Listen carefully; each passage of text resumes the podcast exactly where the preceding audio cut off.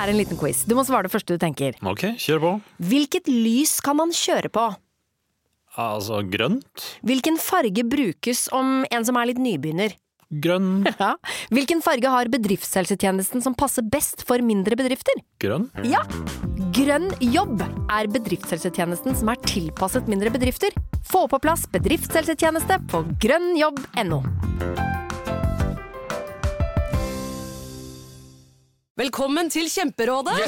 Denne gangen har vi fått inn et kjempedilemma fra en familie. Jeg leser Hei, vi er litt uenige i familien her. Hvis du skulle vært et dyr, ville du hatt gjeller eller vinger? Oi, den er tricky. Ja, Hva ville dere hatt, da? Altså, jeg vet ikke, men Med familierabatt får du ubegrenset data fra Telenor fra 399 kroner. Da kan du jo scrolle seg til svaret, rett og slett. Ja, ok, Men for min del Ja. gjeller. Nei, nei, Gjeller? Nei. nei, vinger. Nei, nei, gjeller. Ja, ok, ja, Kjempebra. Men eh, se nye mobilabonnement på telenor.no, da. Har du et enkeltpersonforetak eller en liten bedrift? Ikke det? Nei. Nei, men da holder vi det enkelt og gir oss her. Fordi vi liker enkelt. Fiken superenkelt regnskap.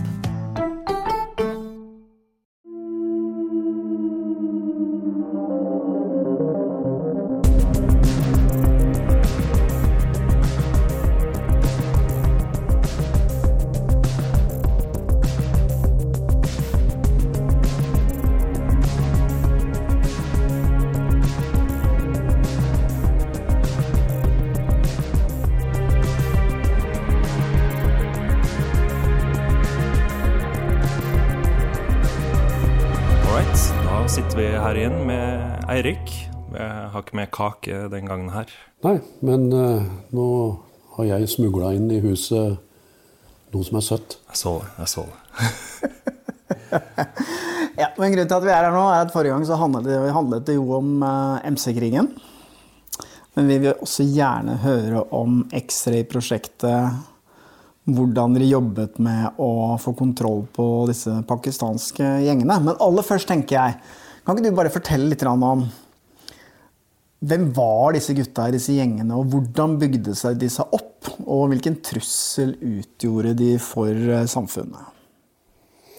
Ja, det er mange som har uh, hatt mening om akkurat uh, trusselnivået.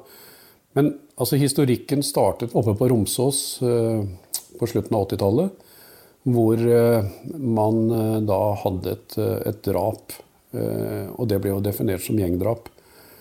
Eh, det var en eh, yngre pakistansk gutt som ble drept. Og av altså da kompiser eller tidligere venner som sto for handlingen. Og vi var jo involvert der, men, men det var liksom, dette var jo en ordinær krimsak, altså som voldsavsnittet egentlig håndterte, men ble sett på som veldig alvorlig. Eh, I kjølvannet av det drapet eh, så er det altså noen kulturelle utfordringer. Eh, det er det at du har tatt livet av en sønn tilhørende én familie, og så representerer du en annen familie selv. Og det ble jo slik at tradisjonen blant disse pakistanske familiene er jo det at om ikke ting gjøres opp her i Norge, så kan det gjerne, like gjerne eh, skje ting hjemme i Pakistan eh, mot foreldre og, og andre deler av familien. Eh, Vi fikk ikke noen indikasjoner på at dette skjedde her, men vi registrerte raskt at de som var involverte, og det var altså en del personer som senere ble veldig sentrale i Young Guns, de eh, på en måte sto skulder ved skulder for å stå imot. Altså for det første så hadde de gjort handlingen, og så for å beskytte seg sjøl mot eh, eventuelt familiære eh, mottiltak si, fra den avdødes familie, så, så valgte disse gutta å holde tett sammen. Og dette ble da etter hvert en kjerne av eh, personer, sånn relativt unge på det tidspunktet. Men som sagt, skulder mot skulder. Og etter hvert så tror jeg de skjønte at eh, den eh, taktikken, skulder mot skulder, eh, tett samhold, og gjerne da en tung hendelse som i forkant, det bandt gutta veldig sammen. Og så etter hvert så viste det seg at den konstellasjonen, det vil også være så tett på hverandre, å stå opp sammen mot en, en helt forventet la meg si, represalie, da, det gjorde sitt til at de så, så gevinsten av å opptre som en gjeng, en sammensveisa flokk. Og dette Jeg har pratet med i fall, noen som var med på, på drapet der. og de, så de sa at den største frykten det var avdødes familie. Og den eneste måten vi kunne på en måte En ting var å sone for det som skjedde. Det var å holde sammen når vi kom ut. Og det ble egentlig kjernen i, i, i Young Guns. Altså en av de første eh, mer eller mindre organiserte gjengene. Vi forholdt oss også til eh, Romsåsdrapet, og vi så en konstellasjon som etter hvert begynte å vise muskler ute på byen. Eh, og eh, da var det liksom mye slagsmål. Mye sånn eh, min gate, din gate, gatehjørne. altså så det var stadig aktiviteter, mye slåssing. Og, og, det er klart at ettersom man involverer seg i sånne konfrontasjoner i bybildet, så blir man mer og mer dreven. Eh, og ettersom maktsfæren på en måte øker, så tiltrekker det seg også andre rotløse. ikke sant? Så etter hvert så, så begynte jo flere og flere å trekke inn til denne la meg si, harde kjernen. Og de fikk soldatene sine. Uh, og det uh, gjorde jo sitt også at de ble mer omtalt i bybildet. Uh, de blir tøffere i trynet. etter hvert så begynte noen av de å faktisk utfordre litt Kvalen-dynastiet oppe på Tveita. Så etter hvert så kom det også en to-tre stykker som begynte å sette seg rundt bordet der oppe i kjølvannet av den uh, utviklingen at, uh, at uh, den, den, første ordentlige gjengen var etablert, så, så, så, dro de veldig veksler på både et voldspotensial, for det, det, var veldig spesielt. De var beinharde, og de gikk mye lengre enn f.eks. disse norske gutta på hjørnet. De hadde ikke en sjanse, og de trakk seg unna. Og etter hvert som dette her eskalerte, så begynte det å vise seg på byen. Eh, og så kom de forskjellige kriminelle tilbudene. Eh, og så ble det narkotika, vold, pengeinnkreving, eh, kidnappinger. Altså Så liksom det, det, bare eskalerte. Og dette var jo vi på en måte litt sånn derre tittelen på hjørnet på. Vi fulgte med på utviklingen, men vi hadde på det tidspunktet, altså sånn 80-90-tallet, ikke noe systematikk i å ta tak i problemet. Det ble skrevet en bråta med rapporter oppover i systemet om hva vi så konturene av, men det hadde ikke noe prioritet. Eh, prioriteten kom jo først når vi la meg si, begynte å gå inn i 90-tallet, hvor også det kom opp andre konkurrerende gjenger. Altså, Vi hadde jo liksom plutselig at Jongen sparket ut en del folk. Det ble etablert A-gjengen. ikke sant? Og så, eh, etter hvert, så så kom jo denne Furuset-familien, eh, disse fem-seks brødrene, eh, frem i lyset. B-gjengen. Eh, og de, de, ble liksom ikke tatt inn i varmen, på en måte. Så de liksom, de, det var de. Men de hadde også et fantastisk potensial til å trekke til seg ungdom oppe på, på Furuset-området. Alle visste hvem de var. Slik at etter hvert så begynte de også å bli eh, ganske tallmessig eh, store. Eh, og når det etter hvert begynner å etableres flere forskjellige typer gjenger, så vil jo det også dukke opp la meg si, arenaer hvor man møter hverandre. Og hvis det da er mye penger involvert på disse arenaene, så blir det fort konflikter. For det så vi at uh, disse pakistanske gutta de stolte ikke på hverandre. Og det var alltid en som hadde sagt noe eller gjort noe. Det skulle bare en sånn liten sånn kommentar om søstera di eller mora di, et eller annet sånt noe, så var det nok til at helvete var uh, løs, holdt jeg på å si. Så de hadde et veldig lavt, uh, lav toleranse for, for krenkende uttalelser. Og, og etter hvert så ble også de andre gjengene mer potente. Og det vil si at rene sånne fysiske angrep, sånn som man var vant til, altså det endrer karakter. Nå liksom fikk vi en, en, en eh, Nå fikk vi en situasjon hvor bl.a. drosjene kjørte rundt med kniver og slagvåpen for gutta. Så sånne rullende depoter, for veldig mange av disse her som kjørte jo drosje. Slik at eh, når det begynte å eskalere, f.eks. borte på Jordal eller tilsvarende, så plutselig så var det noen drosjer der og leverte slagvåpen, og så blei det et helvetes rabalder. Og noen ganger så fant vi noen slagvåpen igjen, men vi- vi stussa på det at veldig mye av disse remediene var borte når politiet kom. Eh, Og etter hvert så fikk vi jo også da kontakter. Da. Altså det er ikke til å legge skjul på at du greier ikke å hamle opp med disse utfordringene hvis vi ikke greier å etablere noen relasjoner til, eh, til personer i miljøet som kan fortelle deg hvordan ting foregår. Da fikk vi vite om at de brukte disse drosjesjåførene både til å kjøre slagvåpen, stikkvåpen og, og også da uh, skytevåpen. eh, til spesielle liksom, Da var det liksom sånn forberedte ting som skulle skje. altså Da hadde de planlagt det. Og det, det fungerte en lang stund, det.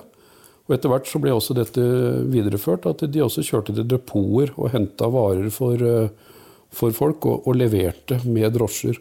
Med drosjelampe av, da, ikke sant. Og, så, og det var også trygt, for det hadde ikke politiet skjønt. Det var kreativt.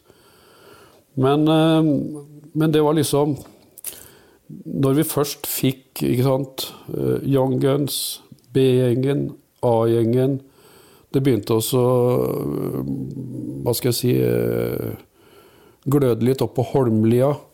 Eh, Vi hadde også da indikasjoner på at vi hadde en vietnamesergjeng som heter Red Dragons, som også holdt en veldig lav profil. De liksom drev veldig mye og pesa sine egne. Så de var liksom ikke i konflikt med miljøene utenfor. Og det er det som liksom var det spesielle her, at i og med at disse virksomhetene, om det var narkotika, om det var pengeinnkreving eller om det var hjemmeran, for det har også vært veldig populært, at de gjengene vet jo hvem av konkurrentene som har mye penger, og som eh, bl.a. oppbevarer penger hjemme. Så plutselig, og da er vi litt sånn eh, mer i nåtid, så ble det leid inn folk til å gjøre ran hjemme og ta disse pengene. At, eh, for det første så var det jo ingen som ville anmelde det hvis det ikke skjedde noe, noe sånn der eh, skyting eller noe sånt noe. Eh, Det ble liksom bare ikke sant? De penga var borte. Og så måtte man da finne på en måte å prøve å få finne ut hvem det var som har stjålet pengene. Man truet dørvakter, man var veldig synlig på byen. Så kom de feite bilene, ikke sant. Og så, på 2000, 2004, 5, 6 og fremover, da hadde du skyteepisodene i Oslo sentrum, ikke sant. Du hadde og det var jo det som var eh, Da ble det jo litt fart opp i eh, sjuende etasje på politihuset også. For det var ikke akkurat noe god reklame. eh, At det ble skutt eh, i, inne i by, selve byen, Oslo. Med da fare for tredjeperson og, og det. Og da ble det litt, litt sånn mer Hva gjør vi nå, liksom? Men, eh, men det, det er et godt stykke frem til 2006. Så, så det var ikke noe systematisk slagplan på hvordan vi skulle demme opp for det. Så, så vi som var ute og jobba med både kilder og, og som hadde greid å etablere noen kontakter i miljøet, vi, vi mjelka jo miljøet for det vi kunne få. Og skrev jo bekymringsmeldinger eller rapporter oppover. Men det hadde ikke noe gehør øh, i prioriteringene. Men på begynnelsen av 2000-tallet, hvor store var disse gjengene? Hvor store var Young Guns, A-gjengen, B-gjengen? Altså, jeg tror at uh, hvis vi bruker at uh, Young Guns kunne være en uh, mellom 15 til 35 Eh, For det kommer alltid folk til. Det sitter folk i fengsel. Så hva de har på gata, det er veldig vanskelig å si helt dønn konkret. Men liksom var sånn, eh, det var liksom den største gjengen på det tidspunktet. Og så kommer A-gjengen. Det var også noen brødre som, eh, som sleit litt mer med etableringa og rekrutteringa. De var liksom ikke like populære. Men eh, at de hadde en åtte, ni, ti stykker, altså den harde kjerne snakker jeg om nå. Eh, og så har du Rasol-familien på Furuset. De er, var jo seks. De ble veldig store. De hadde mye folk rundt seg. Eh, for det var tydeligvis et veldig godt rekrutteringsmiljø oppe på, på Furuset. Eh, og så begynte jo Holmlia i det små.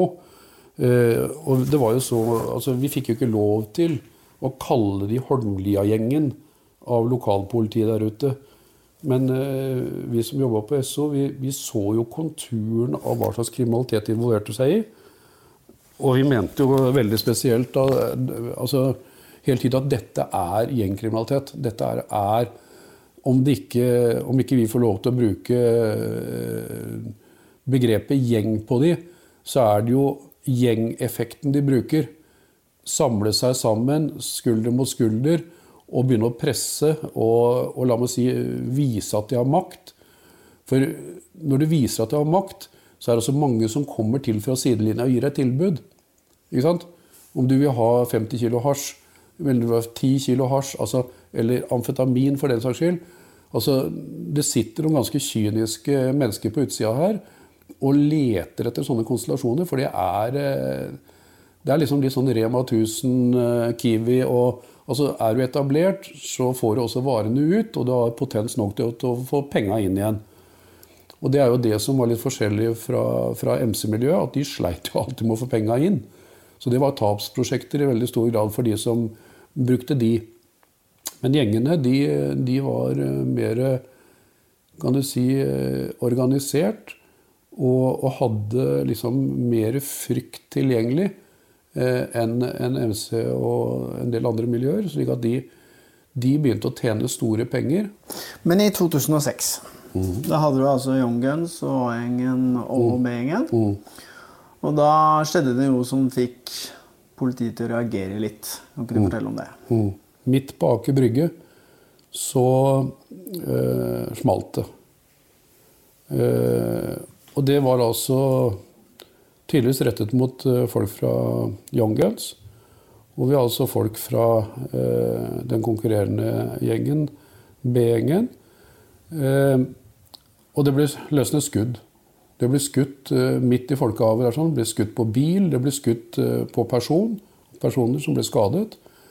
Og det kunne gå eh, skikkelig Det kunne ha gått skikkelig gærent. Vi vet også at det befant seg en politisk høydere, litt lenger borte på brygga der, sånn, som var på besøk fra Pakistan og, og var, eh, var, sammen med noen som var gjengrelatert. Eh, vi vet at eh, hvis jeg ikke husker helt feil, så de som satt på første benk når president Musharraf var på besøk i Norge, det var gjengfolk. Som satt, ja, den pakistanske presidenten var her, så var det liksom gjengene som uh... Ja, det var gjengfolk uh, som satt på en av de første benkene i salen. Så, så politikk blandet med, med, ja, med kriminalitet det er kanskje ikke ukjent. Men, men uansett, det smalt der nede, og alle ble jo tatt helt på senga. Det var skikkelig kaos. Jeg var ikke på jobb da, men jeg husker jeg fikk uh, en telefon fra uh, Iver Stensrud om at han måtte komme inn på, på, jobben. For det var skjedd noe. Og da hadde jeg liksom fått det med meg at det var en, nok en skittepisode. Da hadde vi hatt mange før dette. Så det var liksom sånn Når er nok nok? Og dette var tydeligvis nok. Uh, for da når jeg kom inn på kontoret til Iver, så, så sa han at Erik, du har fått ny jobb. Ja vel? Ja, du skal Du må, eh, eller du skal, eh, begynne å jobbe med gjenger. Eh, og da liksom, som han sa, du har jo snakket mye om gjenger, du har skrevet mye om gjenger, og, og, og har vel i og for seg kanskje noen ideer i huet om hvordan dette kan gjøres.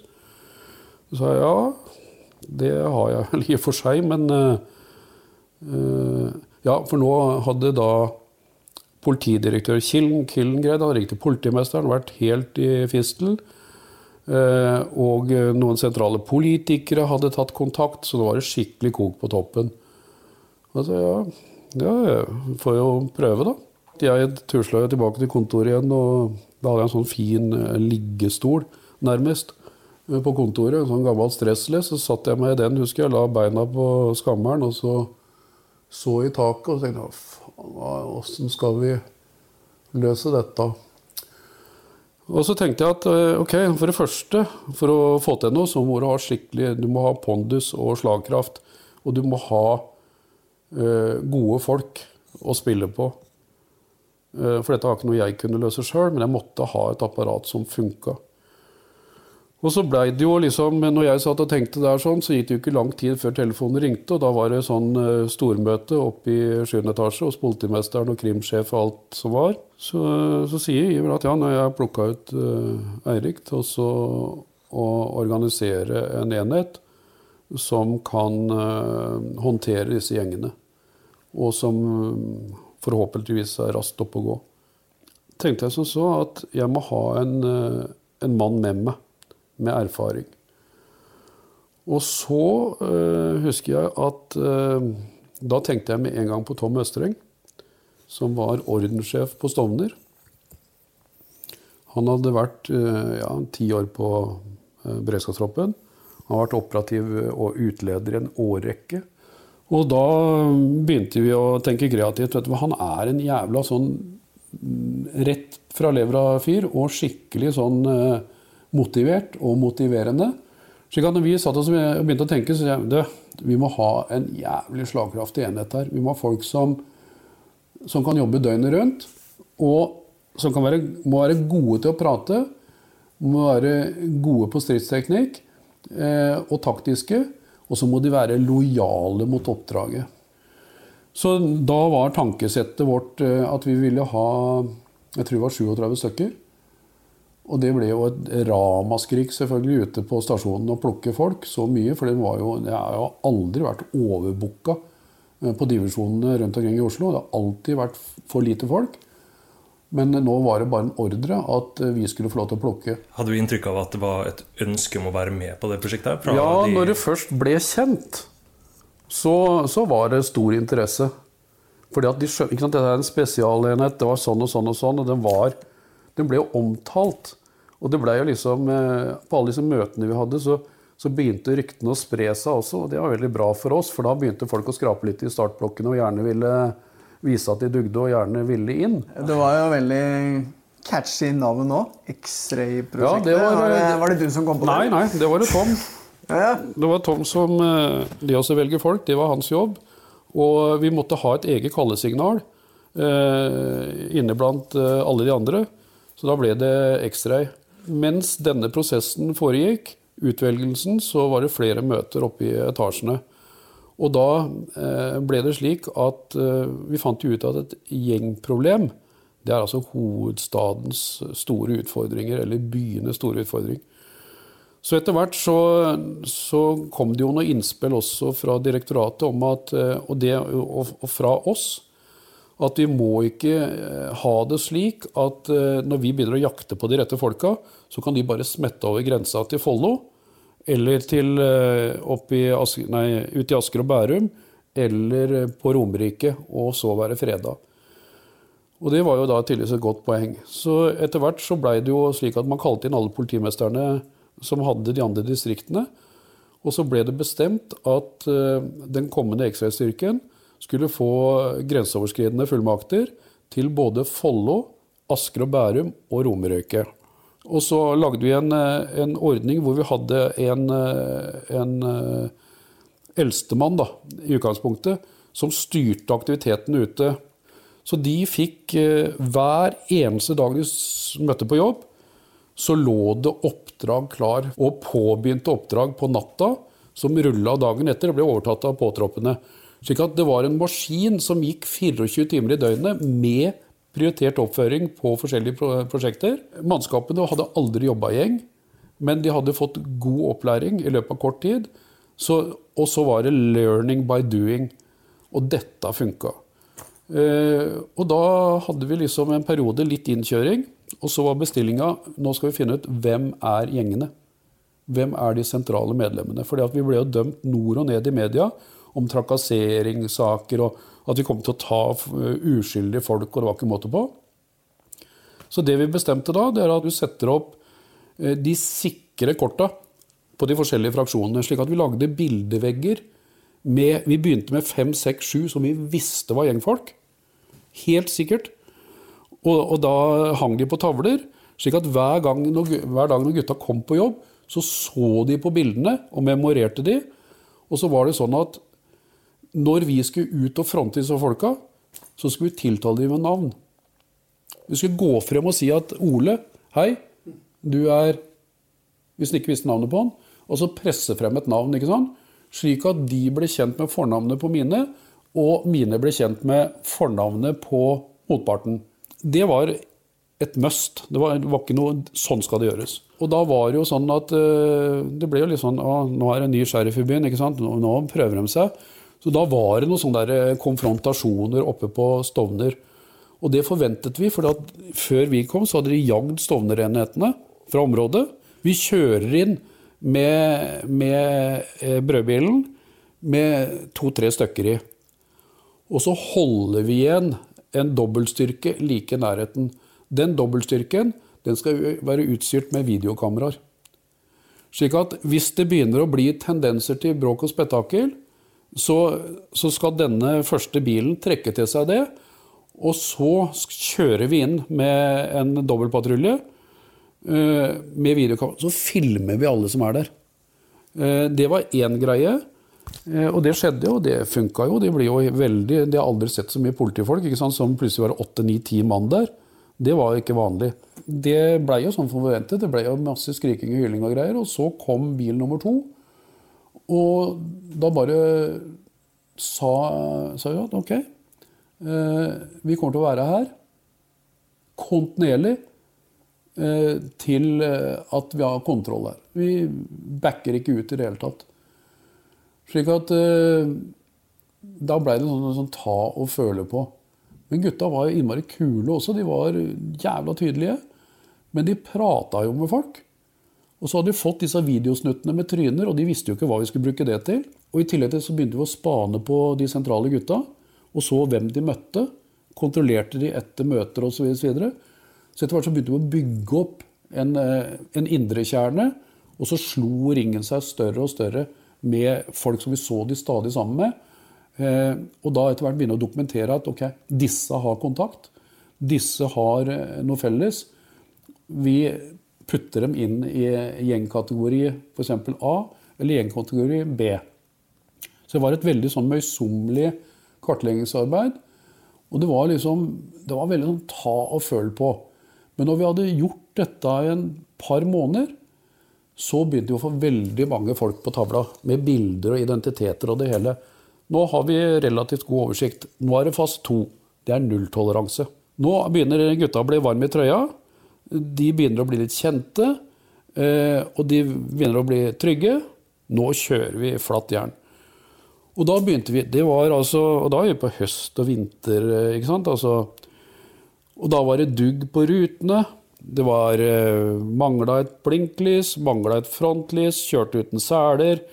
Hadde ikke varseltrekant. Altså alt som det kunne reageres på, ble det reagert på. Og dette holdt vi på med i fire-fem måneder.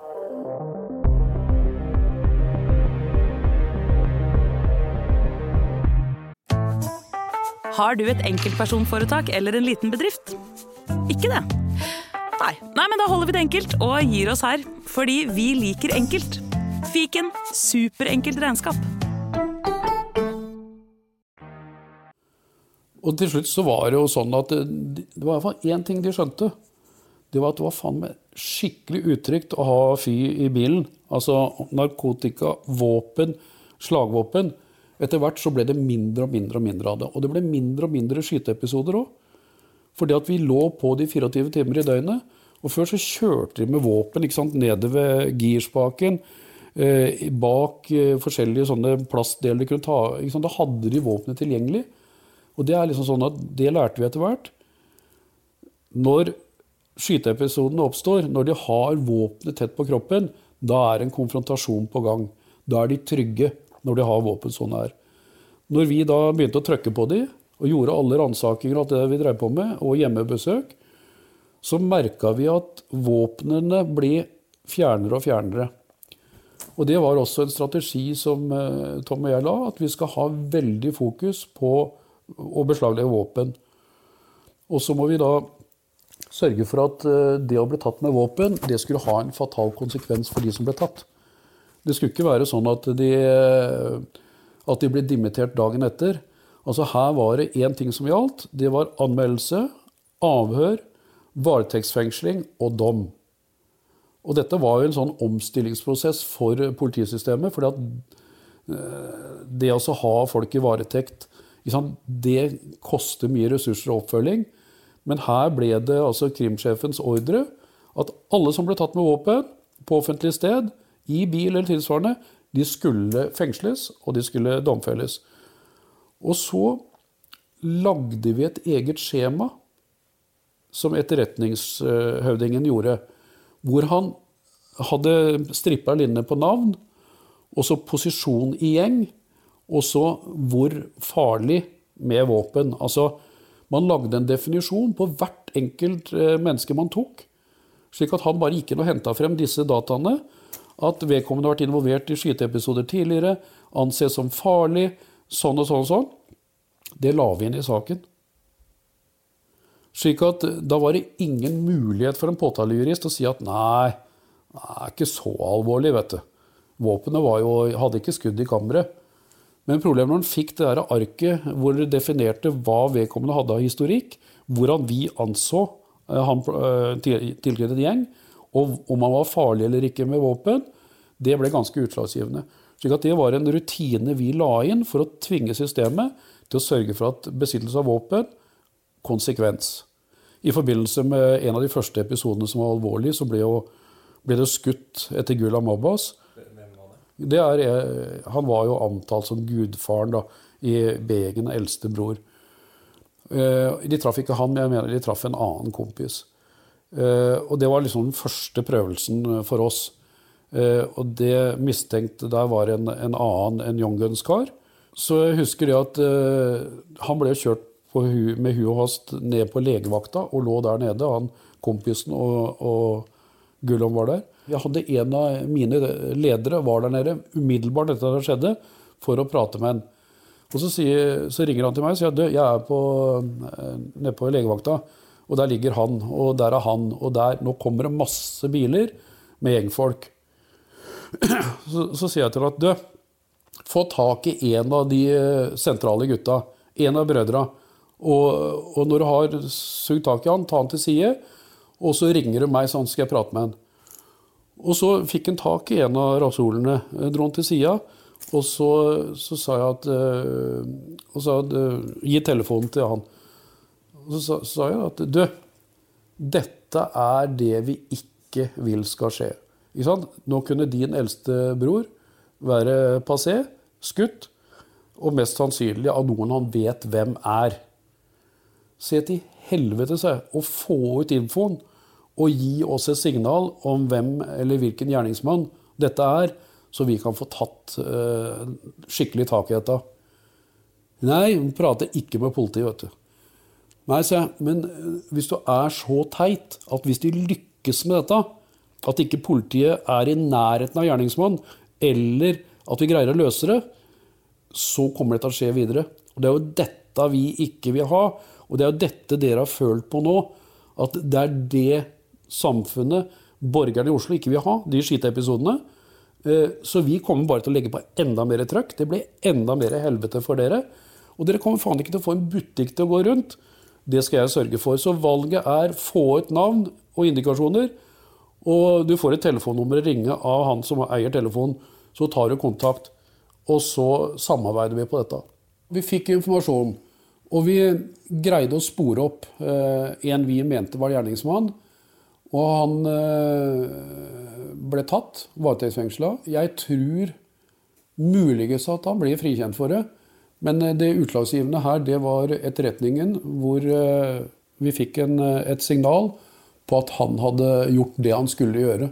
Så vi mente vi hadde en sterk sak, men med all respekt for retten og advokater og alt dette greiene her, sånn, så skal ikke jeg si noe mer enn det. Men jeg mener at vi hadde rett mann. Og, og, og det er jo en kjent figur. Slik at, men vi fikk informasjon, og det var den første liksom, den tillitstesten. Det ble ikke spredd til noen hvor vi fikk dette fra. Fra hvem, eller vi bare brukte det. Og så supplerte vi det med annen etterretning vi hadde, og så jobba vi det ut. Til vi fikk en pågripelse. Eh, og det er liksom det som er alfa og omega. Eh, og det er, det er, tillit og dialog med miljøet, og at miljøet aksepterer at du er der.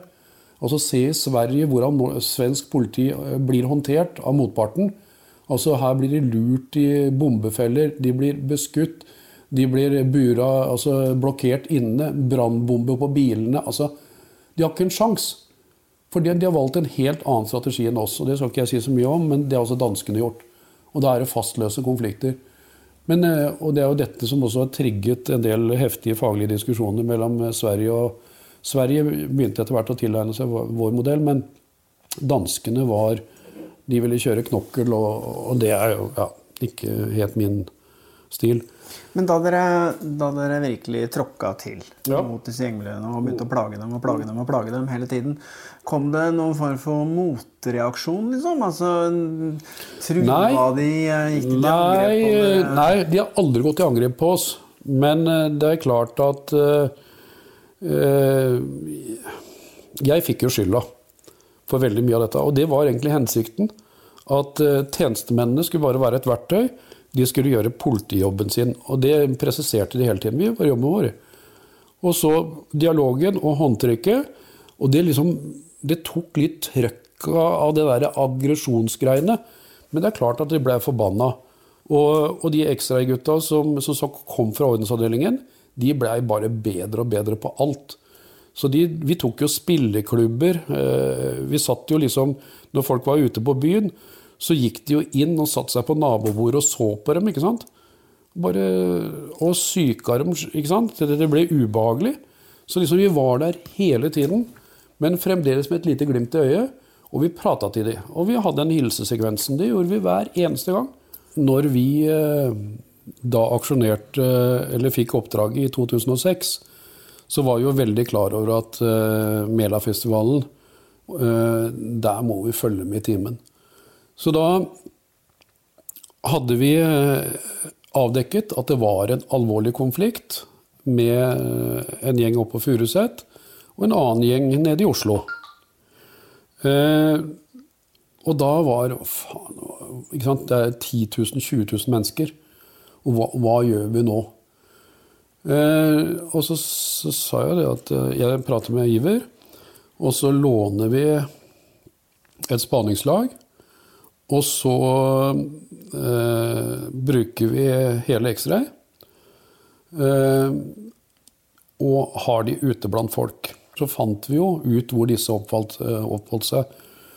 Og så satte vi på et spaningslag som fulgte disse gutta hele dagen.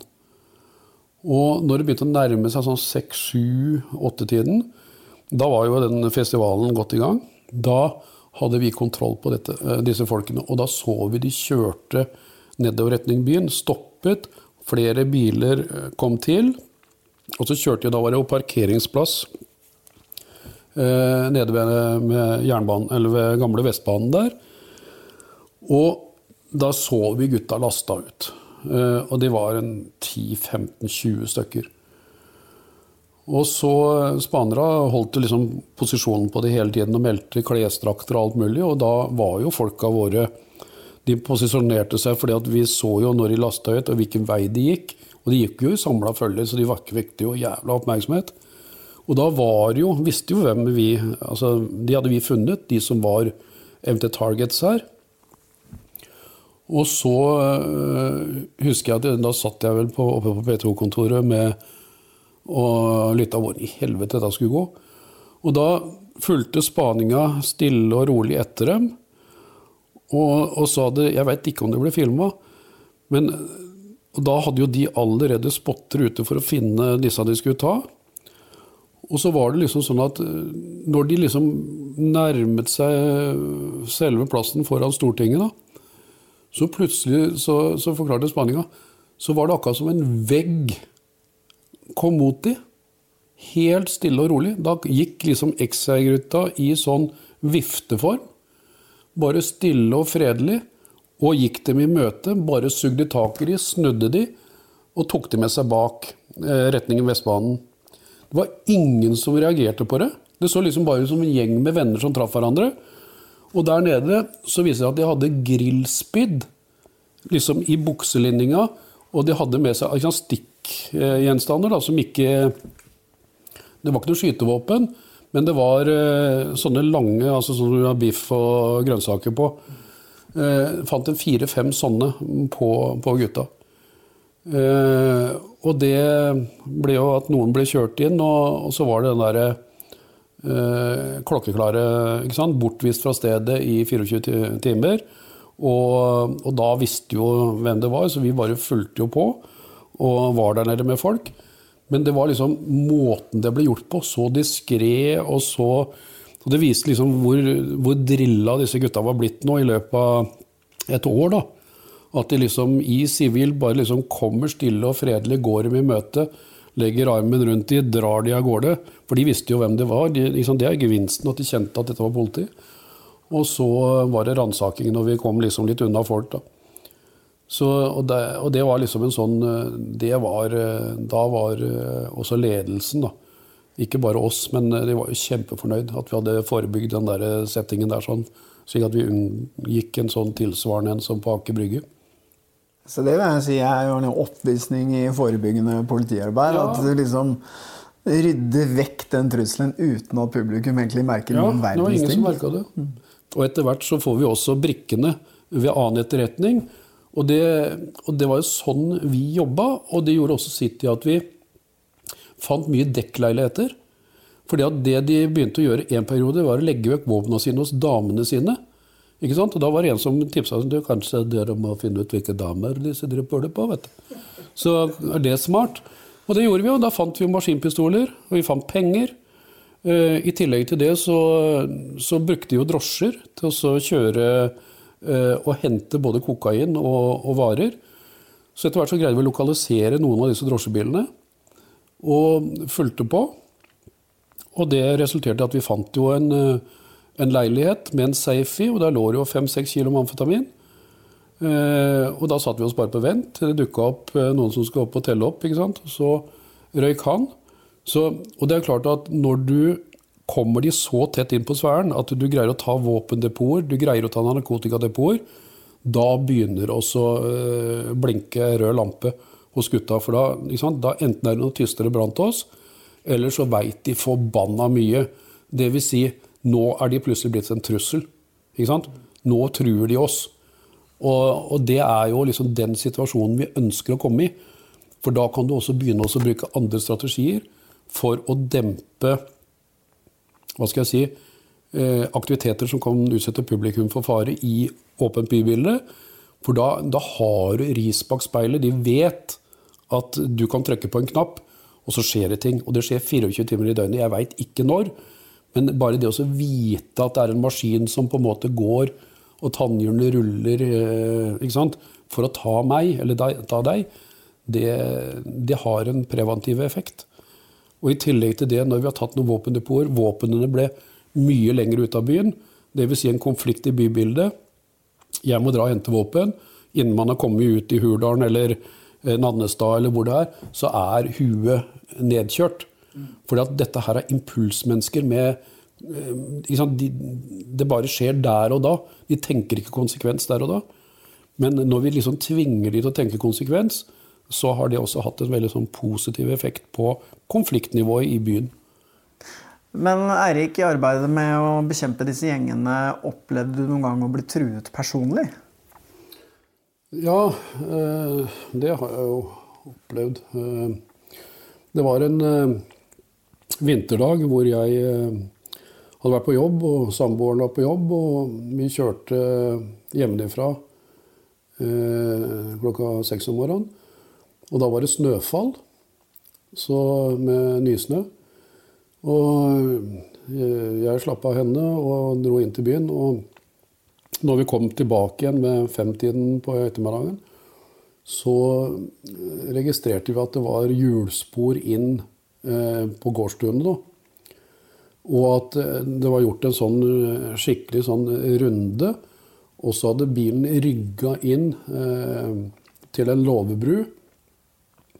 Og der hadde den stått en del, for de så jo på at det var eh, Eksosen hadde smelta ganske mye snø, og det lå noen sigarettsneiper i, i, eh, eh, i snøen da, der hvor bilen hadde stått.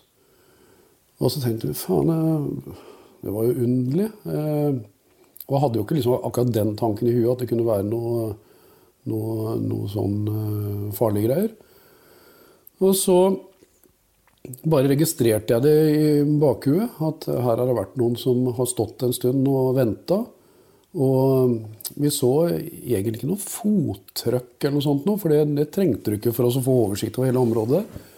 Og jeg hadde en eh, sånn, eh, en sånn gårdsbil, en sånn firehjulstrekker, Mercedes, Gelendervagen, kamuflasje. Den sto oppe, eh, vel synlig fra, fra brua. Altså, de sto litt i skjul av brua, og så gikk brua på bak de, og, og der oppe sto den kamuflasjegreia med, med hekken ut. Så som sagt tenkte jeg ikke noe særlig mer over det. Og så gikk det faktisk 14 dager. Så ble jeg kontakta av en eh, etterforsker som fortalte at hun hadde en sak på eh, Begjeng. Eh, og i forbindelse med den eh, saken så hadde hun benyttet tolk. Eh, fordi at det var fort eh, ting de ikke skjønner. vet du. Det er liksom sånn når du sitter i avhør, så, så plutselig så glemmer de at de, de snakker norsk. Så alt blir så jævlig vanskelig. Så da hadde vi en tolk. Og så hadde det vært sånn at når avhøret liksom, enten det var en pause, eller så var avhøret avsluttet, så hadde tolken blitt liksom sittende litt og skulle pakke saker og sånt noe. Og da hadde det eh, vært folk som hadde fått anledning til å prate med disse her også, eh, som var familie. Og da fortalte de at eh, ja, eh, nå hadde de vært eh, oppe på gården hans, eh, og den ligger der og der, på Nes. Og det var et stort, hvitt hus. Ja, skal ikke jeg prate sånn, da. Eh, og inne på låven så sto det en sånn kamuflasjemalt eh, jeep. Så da liksom Ok. Da, og det var en tolken fortalte etterforskeren. Etterforskeren fortalte til meg. Og det er klart at Da er vi inne på dette her med familie og fritid og, og de tabuene som egentlig skal ligge der, at det er helt uaktuelt. Eh, og på et eller annet tidspunkt da, så måtte jeg jo organisere slik at eh, noen av de sentrale gutta eh, ble med på en kjøretur ut i skogen. Hvor de fikk forklart ganske tydelig at det å gå på leder, eller gå på medarbeidere på X-Ray privat, det anbefales ikke. Det kommer Dette må, ja. må du utdype litt. Du tok med noen ledere Nei, på hvordan, hadde, hvordan fungerte det egentlig? jeg hadde jo noen voksne folk. Eh, blant annet hadde vi et lag fra Esso med. Og da var det de mest potente gutta jeg hadde. Altså, sa at nå bruker vi de andre gutta til å spare opp, spa opp hvor disse gutta befinner seg. Og så, eh, de, så tar dere tak i dem, pælmer i bilen, kjører dem ut i skauen og bare fortell dem konsekvens. Og bare vis dem hvor lett det er for oss å plukke dem med seg på den måten, og så kan de tenke resten sjæl.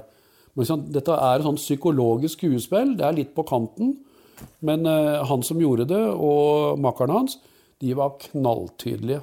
Og det var jo etter en konkret hendelse. Men jeg får litt sånn bilder oppi hodet mitt nå av en sånn du, de står og prater sammen, og så kommer det en sånn varebil, og så bare går den opp, og så er det hette over, var og så er det inn i bilen, og så ut i Ja. Ja, det var sånn. Det var sånn. som du ser på film. Ja. Og da fikk de en alvors... Da skjønte de for det første at vi visste hvor de befant seg. Vi visste hvem som var ledere. Vi visste hvem som egentlig skulle ta ansvaret for en sånn type aktivitet. Eh, og, og de gutta som eh, De har gjort dette før, altså. Så, så det er vår lille greie. Altså, du har jo ikke noen andre virkemidler enn å si ifra. Eh, og eh, vi vet jo at de, eh, de Hvem som sto bak den hendelsen der oppe. Så, så det funka. Og da blei det sånn OK, OK, ok, familie hellig. Ja, og det gjelder jo begge veier, da. Så, så da var den eh, brodden dratt ut, og så Du fikk ikke noe besøk etter det? Nei. Nei, det funka. Det funka. Ja, for, for etter å ha holdt på i fem år Tatt over 300 våpen, masse narkotika, fått kontroll på Det ble slutt på den eh, gjengkrigen. Så ble det jo liksom lagt ned. Hvorfor det? Det er et godt spørsmål. Det viser seg at selve politiorganisasjonen er veldig lite effektiv. Det er prosjektene som man setter i gang, med konkrete mål og bestillinger, det er de som lykkes. Det er altså oppe på Majorstua. Tyveri, eh, altså grovt eh, vinning der oppe. Det funka utrolig bra. Og de eh, har jo vært konsulenter for hele landet. Vi hadde lommetyv og dette ransprosjektet nede på sentrum. Fungerte kjempebra. Vi hadde X-Ray som produserte veldig bra. Alle er borte. Og kompetansen er også borte. Så det var rett og slett at ok, du har fått 37 personer, de passer godt inn i SO, for jeg har en annen ambisjon. Og så, så sier jeg som så til denne lederen at dette her er ikke noe sjakktrekk. Fordi at denne jobben er aldri ferdig. Eh, gjengkriminalitet er enhver hovedstads største utfordring. Får gjengene etablert seg, så har ikke politiet en sjanse. Eh, og spesielt når det er sånne etniske konstellasjoner, og sånn som vi ser på Holmlia nå, med, med flere etniske sammensetninger, og, og, at de begynner å slå ut med vinga. Det kan vi ikke overse. Eh, så den jobben er ikke gjort. Så dette er eh, ikke smart. Og, og hvis du gjør det, så kommer en inkassoregning i posten om noen år som du ikke greier å betale selv. Men det ble bestemt, da. Men den inkassoregninga du refererte til, Eirik, den har vel forfalt for lengst? Den var den ikke det? Ja, den står som ubetalt. Jeg har pratet med en kar nå som har lang historikk fra gjengene. Og han sier jo det at etter 2011 så er ikke politiet nevnt som en trussel mot deres virksomheter i det hele tatt. Så det er det vi prater minst om, sånn. Fare for å bli tatt. Og det er klart at det er jo en bekreftelse på at man har gjort et feil valg ved å legge ned virksomheten. Og det ser man jo på alle hendelsene som har vært det siste. Skyter med Kalasjnikov borti i byen. Man skyter på Vinhus Kalle. Man, altså, det er så mange ting som indikerer at nå er våpenet tett på folk igjen. Folk er trygge i rollene sine. Og det er klart at når en som er så til del altså Han er jo tilknytta miljøet enda, og, og, er en nestor. Og når han sier at politi Da kan, etter min mening, en hvilken som helst politileder stå og forsikre om at dette har vi full kontroll på. Da stemmer ikke. Avhørt er produsert av Batong Media, og all musikk er laget av Georg Roaas. For å komme i kontakt med oss, gå inn på Facebook-siden Batong Media.